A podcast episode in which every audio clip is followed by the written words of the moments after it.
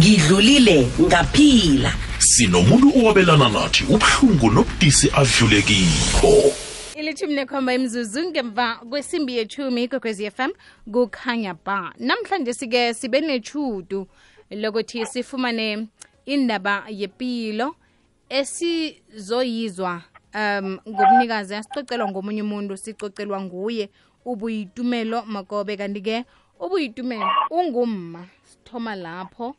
Um ubu- ubuyitumelo ngusomabhizinisi ubuyitumelo umtloli um ubuyitumelo wenza izinto eziningi ngingabala ngingaqedi. Izokuba mnandi nakuba nguye otshoko ukuthi eh ngifike njani lapha ngikhona ngisuke kuphi ngakuhamba kuphi ngagadanga kuphi ngawa kuphi ngavuswa yini njani.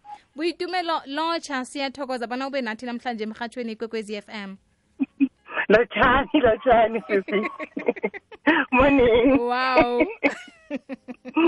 Uvukile? Ngivukile ngivukile eh ngenkosi ngivukile.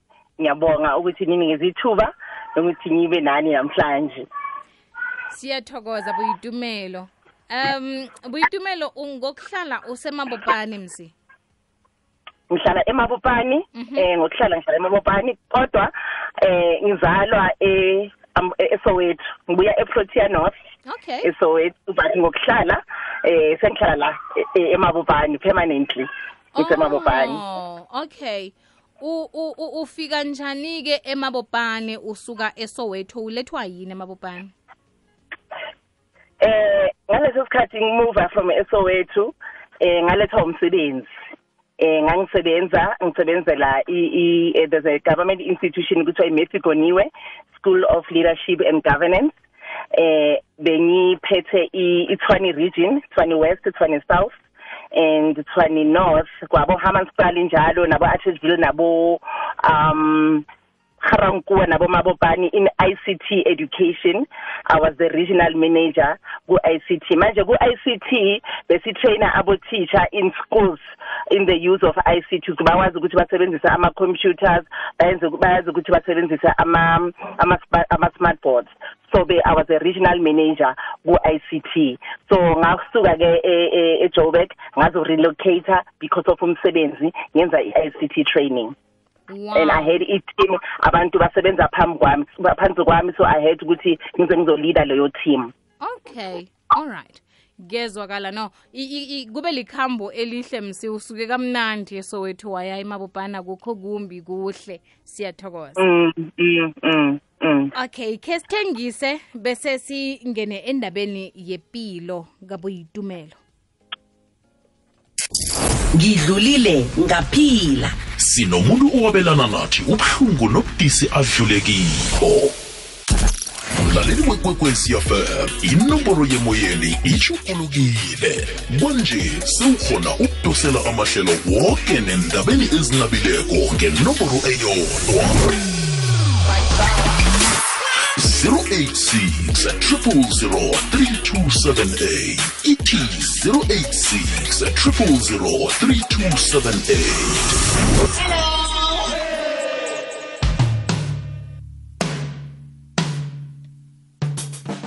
imashumi amabili nanye imizuzu ngemva kwesimbi yethumi kwekwezi FM kokhanya ba buyitumelo yebo sisi. Um sizwisisa ukuthi ukhulele ubelethwe esoweto wakhulela khona wakuhamba waya emabopane. Ekukhuleni kwakho esoweto um ube mntwana onjani? Waba muntu omkhulu onjani? Eh mina ngizalwa efamilini kaMakobe. Eh ngiyi first born ekhaya and yimi usisi omdala. eh nginabo abobhuti abayi2 the younger brothers abayi2 and abazali bami ubaba noma Makobe eh abazali basikhulisa ngothando eh nebasikhulisa ngokusaba uNkulunkulu kakhulu nokuhlonipha omunye umuntu. So eh ngizalwa lapha kulela khaya elunguthi even if abantwana sizalwe siyi3 umama wami nobaba wami baye bathatha abanye abantwana from i-family members laba bebangathi ukuthi abakwazi ukuthi banakekela abantwana babo. Saba i-one family so azange sikhule siyi-three.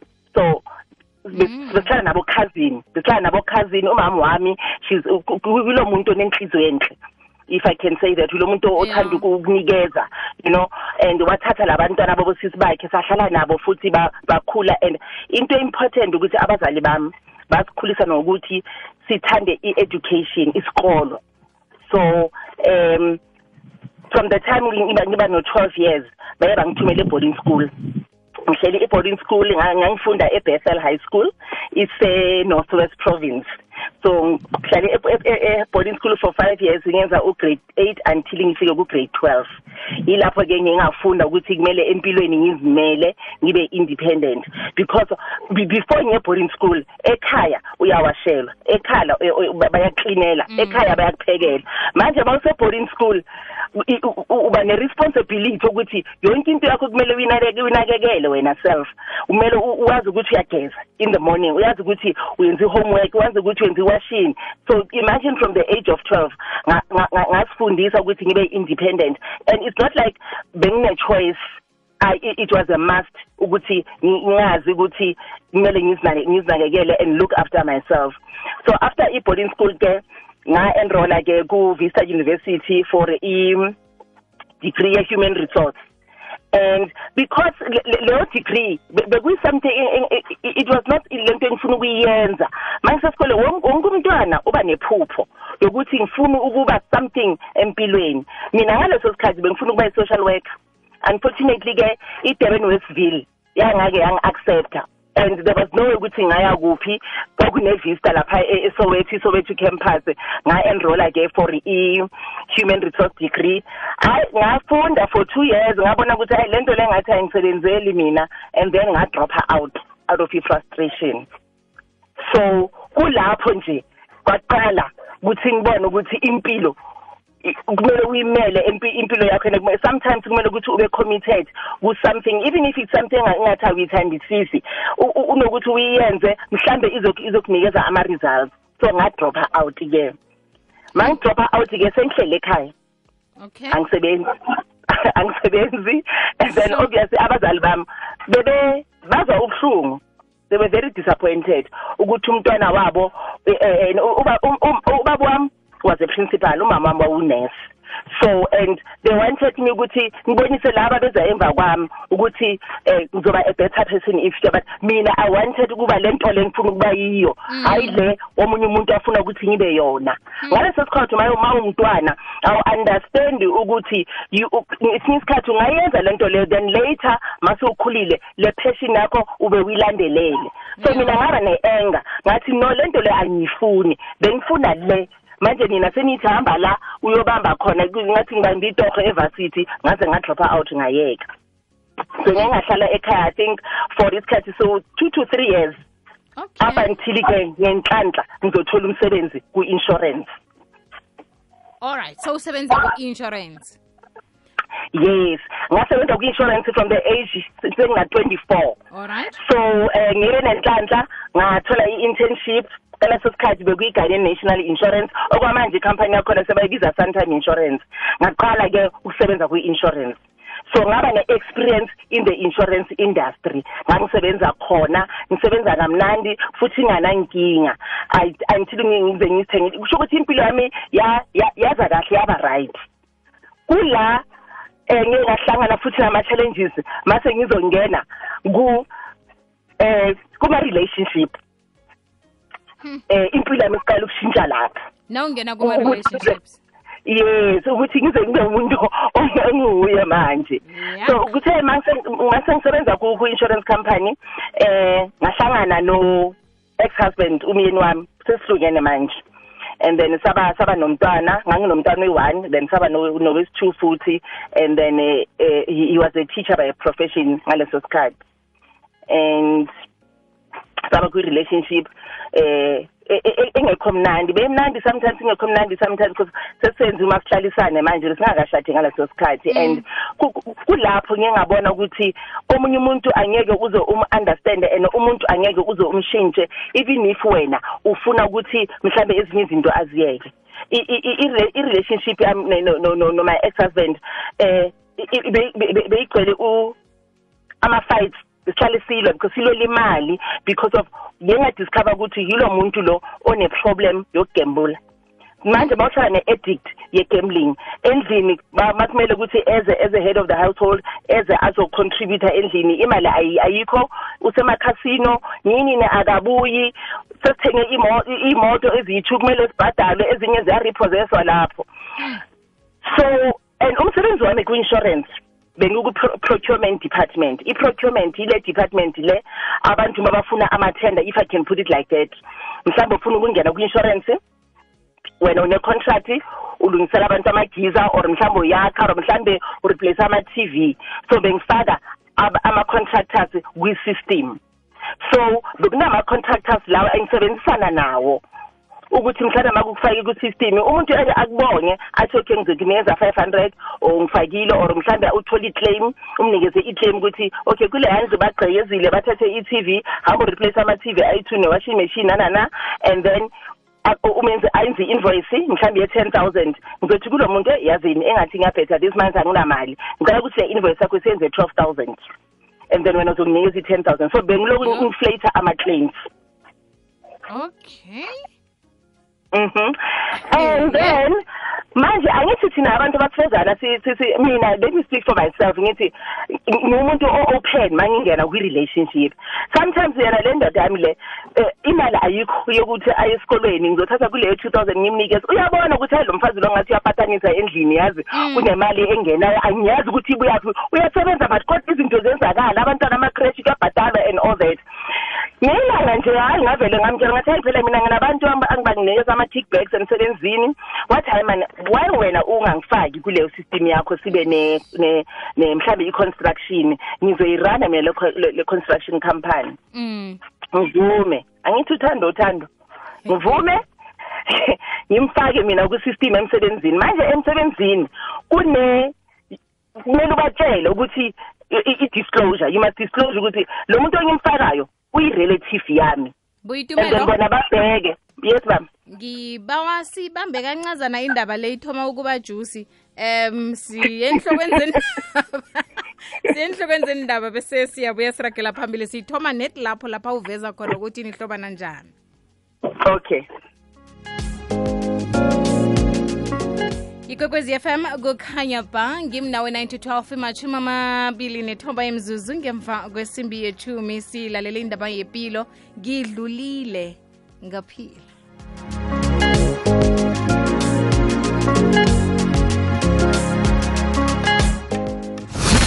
emelo ukuya ehenrina. Lalela ngompopo ohatsha ukusukela edouble 94.5 yikwekwezi fm kukhanya ba. Phila njengomuntu osemkhanyweni ngombana mkhanyo oletha ukuphila. Imashumi amabili nethoba imzuzu ngaphambi kwesimbi yechumi nanye sikhambisana nobuyitumelo silalele indaba yakhe yepilo. Buyitumelo veza-ke bona nihlobana njani ninobaba lo? Eh so ukuthi after that eh ma- mase ngisebenza ngisemsebenzini eh ethi kimi em cela ukuthi ngimfake ku system sikwazi ukuthi mhlambe asebenze naye makabuye esikolweni or uzofuna abantu bayenze i-construction and then makunama-claims ngimnikeze simnikeze umsebenzi. Because of I was a manager at that time eh, kwi-department le-procurement Eh, nginabantu abasebenza pham- eh, phansi kwami. So ngavele ngamfaka-ke ku- ku-system i-computer emsebenzini and waqala-ke wathola umsebenzi. Makunokuthi mhlawumbe kune-giza best kuphi kuphi esowethu i-address yethu beyisesowethu manje-ke ku-system yethu if mhlawumbe kuno- kuyagcekezwa or mhlawumbe igiza yabesta wena uyafona uthi ngigcekezelwe and then bayaphansha ku-system iyasho i-address ukuthi ayisesowethu izokhetha le construction co- co- contractor le esesowethu so kaningi bekathola amani- ama-claims amaningi. Mhlawumbe ngithola ukuthi ngelanga usebenza kum- kuzinto eziyi-four five. Yo. manje imali seyaqala iyangena endlini-ke but inkinga le ye-gambling isasekhona. Manje and and sengijwayezile ukuthi mina um mina nginemali le ngiyihola emsebenzini nale amanye ama-contractors enilokuthi mhlawumbe bayanginikeza just ukuthi eh, siyabonga ukuthi usifakile or mhlawumbe i-claim yethu i-approvile uyabona and eyakhe imali mayifika endlini makumele if- i- ize endlini ayi ayisezi endlini yanzi usekalala emakhasino udlala yo- uya- sesiyaqala Yeqembu, siyalwa mm. manje endlini siyaqala kuyaliwa endlini i- i- i- i-relationship yaqala iba abusive now u- uma- and sesowuhleli kwi-relationship. Mina ngangikhule ngisitshela ukuthi eh angifuni ukuthi ngize ngibe umuntu oshintsha amadoda kaningi because ubaba umntwana wami uye wangiyeka esahlukana. Manje seng- senginomuntu umuntu onesithunzi nangumuntu ngihlala naye endlini. And ngifuna ukuthi nami mhlambe kwi-community ngibe accepted ukuthi nginomuntu o-responsible. Ngahlala kuleyo abusive relationship. Sometimes kuyaliwa phambi kwabantwana sometimes amaphoyisa ayangena endlini but kuba nale nto leyo ukuthi ngiyikhaphuli nginalungisa Mhm. ngaleso sikhathi awukaboni ukuthi nje u- u- ulimele mentally ukuthi now you are in a toxic relationship kumele uphume na ukwazi ukuphuma because of sometimes ufuna ukubona nangabantu ukuthi bangathi wena awunandoda. I think iyo into enye futhi e- eyang- yangibulala mina as a woman. And ngahlala kwi-relationship saze sashada saba nomshado. Yo. We, we got married. Sathi sashada. Kuloku kunjalo. Elokalala emakhathini engakuyi ilo lo lo up and down. And kwafika isikhathi ukuthi noma ngikhathele ile mpilo angisayifuni. Ngahlala ngiyi-one ngathi noma le mpilo le akusimpilo yabazali bami bangikhulise ukuthi imele ngiyiphile. And eh, ngizala ekhaya angikaze ngibone ubaba wami aphakamisele umuntu osifazane isandla. And ang- angikaze ngimuze ethethe mama. Why ngiphila le mpilo le? Ngathatha abantwana mm. ngamove out endlini ngahamba. Ithe manqothi ukumove out endlini ngisekhaya ngibuyele ekhaya. Ngathi norman usathola ama-claims lo muntu kusho ukuthi le mali le usayidla ake ngimkhiphe kwi-system. Izobona ukuthi uzophila ngani because vele uthishera mm. ngangikhipha kwi-system-ke ngenye ilanga ngize namaphoyisa because bengifuna impahla yabantwana. Because the first time ngan- bangiphuma endlini ngibaleka. Ngagenze ngiyofuna i-protection order bangi-escort amaphoyisa. Ngaze thatha impahla yabantwana nempahla yami ukuthi ngibuyele ekhaya kahle. Waze washo bathi oh uyangiyeka? Uzosola ngaleso sikhathi angibengayazi ukuthi ukhuluma ngani. Mm. Kanti-ke uzokhuluma angithi ngi- ngishilo eqaleni ukuthi ma umuntu wesifazane uyakhuluma nomuntu wakho ukuthi mina ngenza so naso so emsebenzini. Wathatha leya information yonke injalo ukuthi lo muntu lo u-inflate ama-prices khona aba- ama-claims kukhona laba bambhadalayo khona laba ngita nabo ama-restaurant bambhadala ama-contractors and so forth. I-company yangivulela i-case. Yo. Ngaboshwa wabotshwa Ngab- ngaboshwa yeah. Okay. And ngiboshwa so siku-separation. Angithi ngiphumile endlini. Mm. ngilokhu ngihamba i-trial ngihamba i-trial ngihamba i-trial. And u-anti wami wathi kimi ayi yazini? Eh ake ake mhlambe ngiyu-invite esontweni lethu. Mhlambe nje inkinga zakho zizophela. Wangi-invite ke u-anti wami ngaze ngajoyina isonto. And then esontweni behlele bakhuluma nge-forgiveness ukuthi kumele uxolele kumele uxolele. And ngaleso sikhathi uloku kufuna ukubuya empilweni yami futhi angithi impilo inzima for yena. Sekajwayele le, le izimani sekajwayele ukuthi umfazi wami manganama le petrol yanginikeza mangana this yanginikeza uloku yeza angifonele "Hey, abantwana banjani sisashadile ngaleso sikhathi. Iloku yabuya kancane kancane kancane and then ngathi hayi hayi, nebhayibheli ithi umuntu makakwenze wrong mhlawumbe uzoshintsha. Ithi ngimxolele. I still had that mentality ukuthi mina ngizomshintsha. Nga-understand ukuthi umuntu akuso wami angikwazi ukushintsha umuntu. Umuntu ushintsha because uyafuna ukushintsha. Ngabuyelana naye ngisasekutrial. Eloku angiphelezela ecourt ehamba nami yazi and a month before I was sentenced in 2011 ngase ngiconceive i-last born yethu u- uratile and unfortunately it was August and then on the 11th of September uh, 2011 I was sentenced to 8 years imprisonment. And ngaleso sikhathi I am 4 weeks pregnant. Uyitumela and yo. ayingazi ukuthi ng- ngingena ejele so because of umuntu ongimthanda ong- bengithi ngiyamthanda. Kukhana ngirealize manje ukuthi bengasewuthanda Eish. leyo so ngaba sentence ke sengisejele. Four weeks pregnant. And sure. usasenjalo angeke sashintsha wangi-abhandina nomntwana ejele akamaintainele abanye abantwana. Abantwana sebakuhlala nama-parents wami and they are pensioners.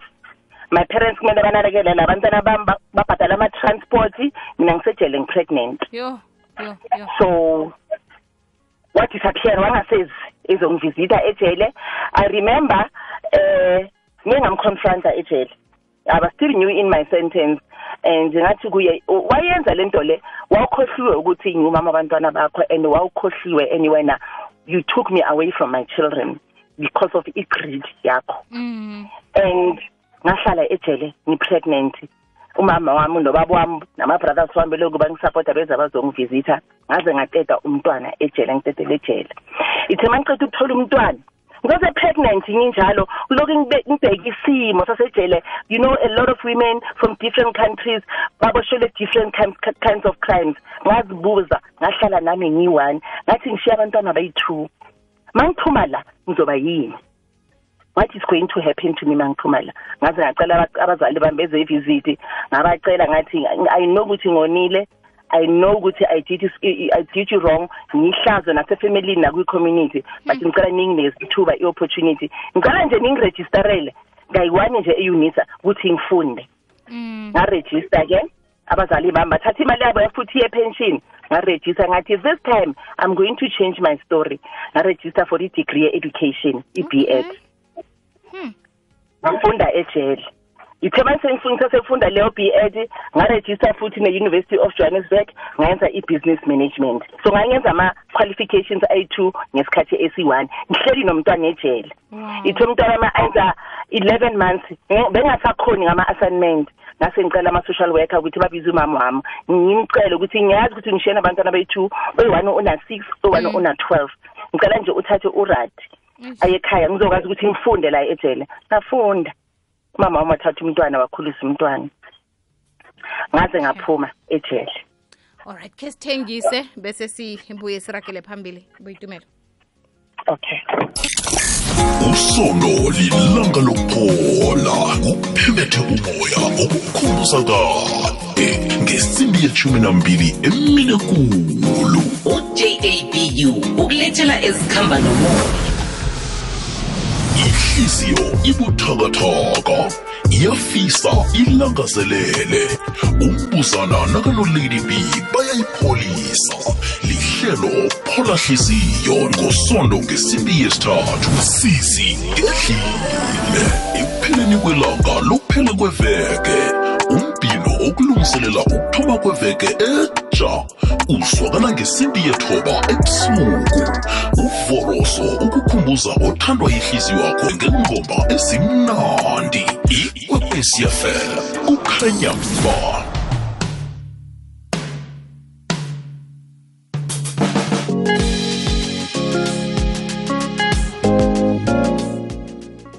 nethoba imzuzu ngaphambi kwesimbi yethumi nanye. Ikwekwezi fm kukhanya ba sisakhambisana nobuyitumelo silalele indaba yepilo.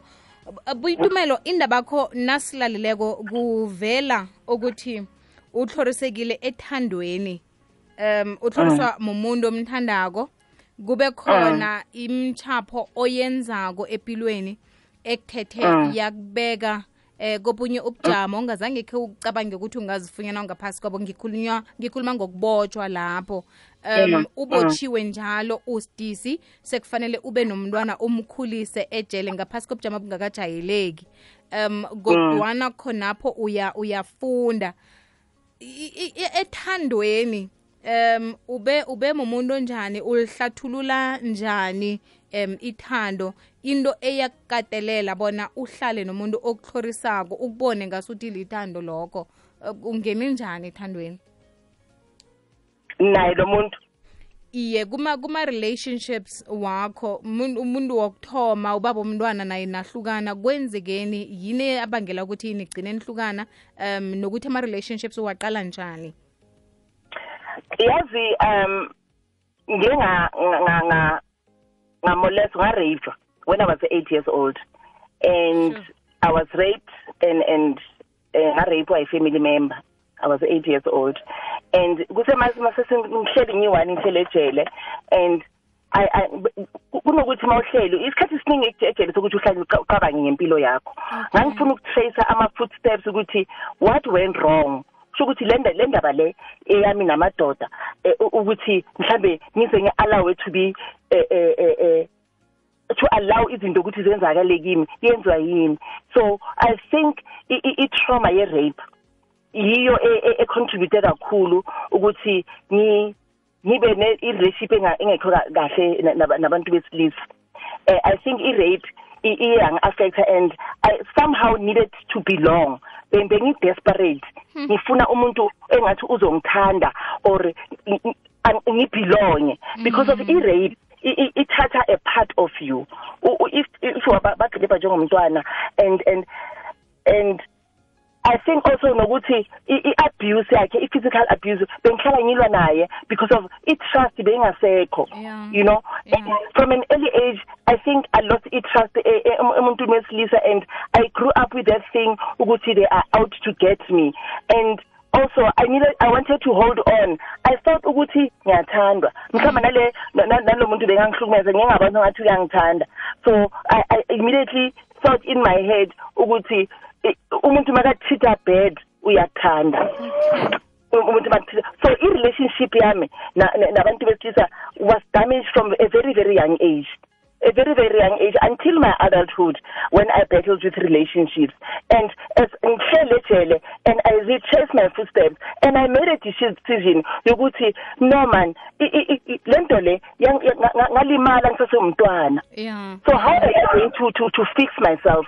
And and ukufunda nesikolo reading books reading self help books phakathi kwejele ngihlala ngi-interact nabanye abantu besifazana. Ngayibona le pattern ukuthi oh lo uboshelwe imeda and uye wa- wa- wa- wa- wahlala in an abusive relationship and so forth.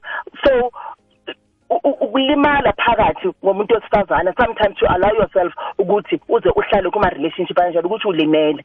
And kumele ube ne ube strong enough ukuthi wena usitshele ukuthi you will never allow yourself to be treated like that by a man.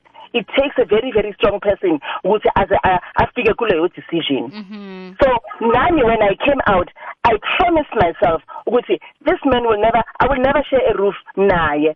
I will never raise I rather ngikhulisa abantwana bami ngiyi-one ngiwumama. Now than ukuthi umntanami engibone bengishaya ngempama rather ngibanikeze i-happiness ngiyi-one and ngibanikeze i-peace of mind A- akuna maphoyisa ongafonelayo ebusuku angigijimi ngama-night dress ngigijimisa izikhiya zami zemoto cause ufuna imoto yami ufuna ukuya ekhasino. Let me give my children peace when i come out of prison. That was my decision. Okay. So u- u- ukhonile ukumlibalela uphi nje lo muntu? Obe nesandla ekutheni impilo yakho ibe ngalendlela engayo. Um ngiza kuthi umuntu kodwana-ke babantu asithome ngalo owa owagonako owa- owakonako usesemntwana ol- o- o- osihlobo sakho size ngalo owazithola utshade naye kodwana naye waba nesandla ekukhwabaniseni. Um siswami empilweni ukuze uphumelele mm. mina ngaba nenhlanhla ukuthi ngakhulela ekhaya u- u- ba- ba- la kubekwe uNkulunkulu. Qala okay alright ngaze ngangena esontweni ngathanda uNkulunkulu. Ngathanda ukukhuleka. Ngathi ngasifundisa ukuthi manginenkinga ngitshela uNkulunkulu inkinga zami. Ngangifunda iBhayibheli ngisejele ngangi-attend amasonto ejele kuze amasonto a-different every Sunday. Yabona laphayana nje ku- ku- kuyakhulekwa because of abantu they- ba- ba- bafuna usizo. So bengakhethi isonto makuze iziyoni namhlanje ngahamba ngeziyoni makuze ipostolo namhlanje ngiyahamba. Yazi makuze abazalwane namhlanje ngithiyo abazalwane namhlanje ithi ngihambe ngiyozwa ukuthi bathini. Kanti lento le iyangipholisa ngaphakathi. Ngathi ngayifundisa ukuthi ngikhulume noNkulunkulu. And the, the, you cannot be a better person mawuhlala ngegrudge kumele uxolele. Ngaqala ngaqala ukuthi kumele ngizixolele mina. Nga-understanda ukuthi it was not my fault njengomntwana ukuthi ngihlukunyezwa. It had nothing to do with me. Umuntu lo i-perpetrator uye benganenkinga. Ngongaxolela mina ukuthi it was not your fault. Because at some point ngeke ngaziblame ngabona ngathi yimi bengiyi-problem. Ngazixolela ngamxolela la ikhona akasekho emhlabeni ushonile. Ngamxolela ngamcela uxolo ngathi ukuthi ngize ngimove forward. Mm. naye uma ex husband ngamxolela ngamtshela ngathi i forgave you but angeke saphinde kubuyelane but ukubonisa ukuthi ngixolele ngicela ukuthi labantwana sibe no communication nawe sibakhulise ngothando even if ngihlala le uhlala le. Sibe ne-relationship for the sake Yeah. of abantwana bethu. Unfortunately azange yenzakale ngaleyo ndlela ke because of naye. Unama-demons wakhe mina bengifuna u- i-peace ngifuna ngixole but ngimxolele but i- i- i-forgiveness for me it was key. This is why i had ukuthi ngiyifake nasencwadini yami. Ngibhale incwadi ngisejele ngayipublisha last year on my journey of life. Uh, Boitumelo nakaza kuthi um u-ex-husband wakho akutshele emehlweni athi uzozisola. Uthi azange uzwisise ukuthi utsho ukuthini ngaleso sikhathi. Kwafika la ubona khona ukuthi amagama akhe athi uzozisola bekatsho ukuthini wakwenzani? Eh masisekhasini u-investigating officer. Mm. Wahlala nami ngefayili yami le yama-claims. Wathi hayi but kune-company le. Le company le ibhenefithile mani. And le company le eyomngeni wakho. Lo muntu lo makangene kwi-case nawe uyabona? Ngathi mina no a-a asikwazi ukuboshwa siyi-true uyabo? I- I- I- angikwazi ukuthi ngimfake ubaba wabantwana bami. As if bekune-something bekayenza empilweni yami at the time hmm. esibeka contributor positively. But yile nto lenye utshela ukuthi nje siyaba-protector even if basenza wrong. So i said no. And then when i got sentenced on the day of my sentencing babacethe ukungigweba leyo eight years bangithatha bangihambisa kuma-cell. Wangilandela u-investigating officer wathi i told you. Wathi i told you. Waze wanginikeza ne-statement wathi funda la. Ngafunda. Ngashonanga kulelo langa. On that day hayi ngi-strong inhliziyo yami ngamanga ngibona i-statement. Okay boitumelo um ngibawa sithengise nasiqedako ngaphambi kobana sivala ikulumo. Um usitshele ngestatement esapheze sakubulala. Yo. Ikokwezi FM kukhanya ba ngimnawe 9 to 12 nozuzu silalele indaba yipilo kabuyitumelo nasithi ngidlulile ngaphila. Vela emkhanyweni ikwekwezi khona ilithoba kwaphela imzuzu ngaphambi kwesimbi yeshumi nanye ikwekwezi fm kukhanya ba. Buyitumelo sisebenzele ukuyivala indaba yethu. Investigating officer wathi ngikutshelile um ukuthi kufanele nibotshwe nobabili wena wala. Kuba yini mm -hmm. athi ngikutshelile amagama abuhlungu kangaka? Kuba yi-statement somyeni wami esibhalile ngesandla sakhe. Anikeza ikhampani yonke i-information yokuthi mina bengenzani. Sure. Cishe sangibulala leso statement that day ngaleso sikhathi i cannot ngi-reverse i-process. Umajistrate sekaqedile kumele ngigibele iveni ngihambe nge-sun city ngicala isigwebo. Ngaleso sikhathi umntana usesiswini yami ngi-four weeks, four weeks pregnant. Sure. And there's nothing more that i can do. Uyamvikela ufaka ngemgodini yes. Um uze ube sidisi nje ubuyile wakuncenga wathi usakuthanda wamthemba. Mm. and ngaze ngaconceive umntwana. Mm. not knowing ukuthi u- uze uyangiphelezele court ngize ngigwetshwe gwetshe ukhona. Kuleyo eight years ngalelo langa ngize ngingene ejele ngiqedele umntwana ejele aze angiyeke futhi ejele eh angibone ukuthi ngiphuma kanjani abazali bami ba- ba- baze bahlupheke nami. That is when i decided ukuthi i need to tell my story to the world. Yeah. i need to story tell my story. And every day ejele nkuku umntwana lokhu ngiyadocumenta every day ukuthi kwenzakalani kwenzakalani ngaze ngayiceda le ncwadi le ngibhalile bathi losing the weight woman of steel from prison to the classroom. Mm. and today I am what I am because of leyo resilience eyami yokuthi nje noNkulunkulu ngeke ngamthemba. Ngathi uzongidlulisa kulokho kokho konke engidlule kukho. And then us- ngisazoya phambili futhi because of I never allowed myself I never azange ngivume nasi- nale stigma lesokuthi uyibhantiti ubuyejele you're not going to be something else empilweni. Ngayimela impilo impilo yami for the sake yabantwana bami. Ngabhala incwadi ngaze ngavula ne-restaurant emabopane ngaze ngaba ngavula ne-atlehang learning tutoring academy la ngifundisa abantwana ngama-saturday saturdays i-saturday school emabopane. Wow. Wow so i'm writing my second book okwamanje on family politics and sibling rivalry. And ngathi ngathi uNkulunkulu u- u- ngingawa empilweni. Mm, bathi nga- mm. nga- uthathe mina as a person ukuthi ngisukume but ngaba nenhlanhla ukuthi ngaba ne-support structure e- e- e-right from efamilini yami. Ukuthi azange bona bangivalele ngaphandle baze bangithanda. Until buyitumelo today nabantwana bami. u- u- u- umntwana usatsho njalo u- u- umntwana lo ebewuzithwele yena ubotshiwe. Um u- u- umcala njani uzizwa njani ngaye? I- indaba yejele nabantwana i-very very sensitive. Okay. Eh mina ngumuntu othanda ukukhuluma iqiniso esikhathini esiningi. Mm. eh from the first day I was sentenced ivisit yami ngo-saturday beza bazongibona ekhaya basasethukile ukuthi ngigwetshwe ngolwesithathu isaturday beze ivisit. My first question ngababuza ngathi bapha abantwana bami? Babuza umamama ngathi bapha abantwana bami. Wathi tumi ngicela ukuthi u-adjuste kwi-sentence icala abantwana sizobaletha. Ngathi ngicela ukuthi kusasa maningenzi nabantwana bami ningasaphindi nize la ejele. I want my children ngifuna abantwana bami. Umntanami u- u- uphindi bengana 6 years ubokang bengana 12 years.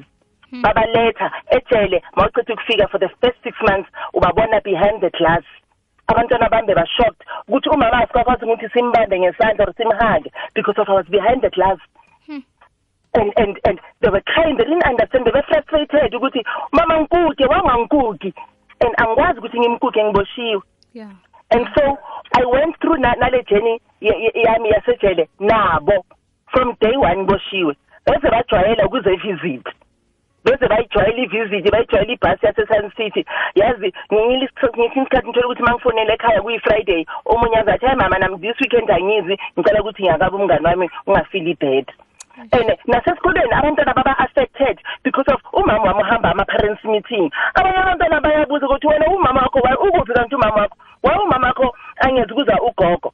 So i was brave enough ukuthi ngikhulume nabantwana bami abezevisit ngihlala nabo phansi ngaba ngicela ukuthi ningakhulumi amanga amanga azongiyenzile inkinga tell them where i am. So my children bebatshela abangane "Mama- wethu thina uboshiwe. Umntanami i-firstborn bekafunda efunda e-holy family. When i was releasing loku ngenza ama-motivational talks beloku bangi-invite wangi-invite esikolweni sakhe. She was never ashamed. Wathi mama there's a lot of abantwana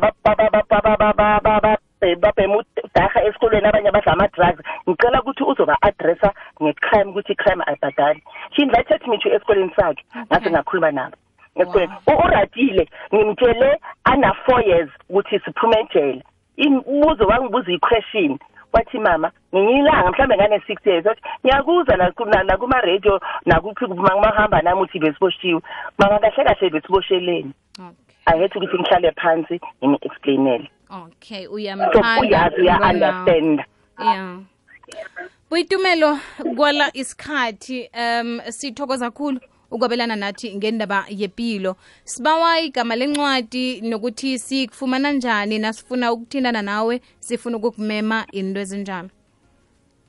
Eh ngiyatholakala ku-facebook eh kutumi bitumelo makobe naku-instagram utumi makobe eh naku-twitter ngutumi makobe. And then in- incwadi yami i-email yami umakobe buitu at gmail dot com. Igama lencwadi yami losing the weight women of steel from prison to the classroom. Iyatholakala nase-lifestyle bookshop emaponya mall. Izabe ikhona ku-cna nase-exclusive books from the beginning of february. Alright sekulungile. Okay. Um inomboro zomtato inamba yami zero six five one hundred three two five five. Ngibawa sibuyelele? Zero eh, zero six five one hundred three two five five. Buyitumelo siyithokoze khulu ngesikhathi sakho angitsho ngiyabonga sithi thank you so much and god bless. Eh, siyathokoza.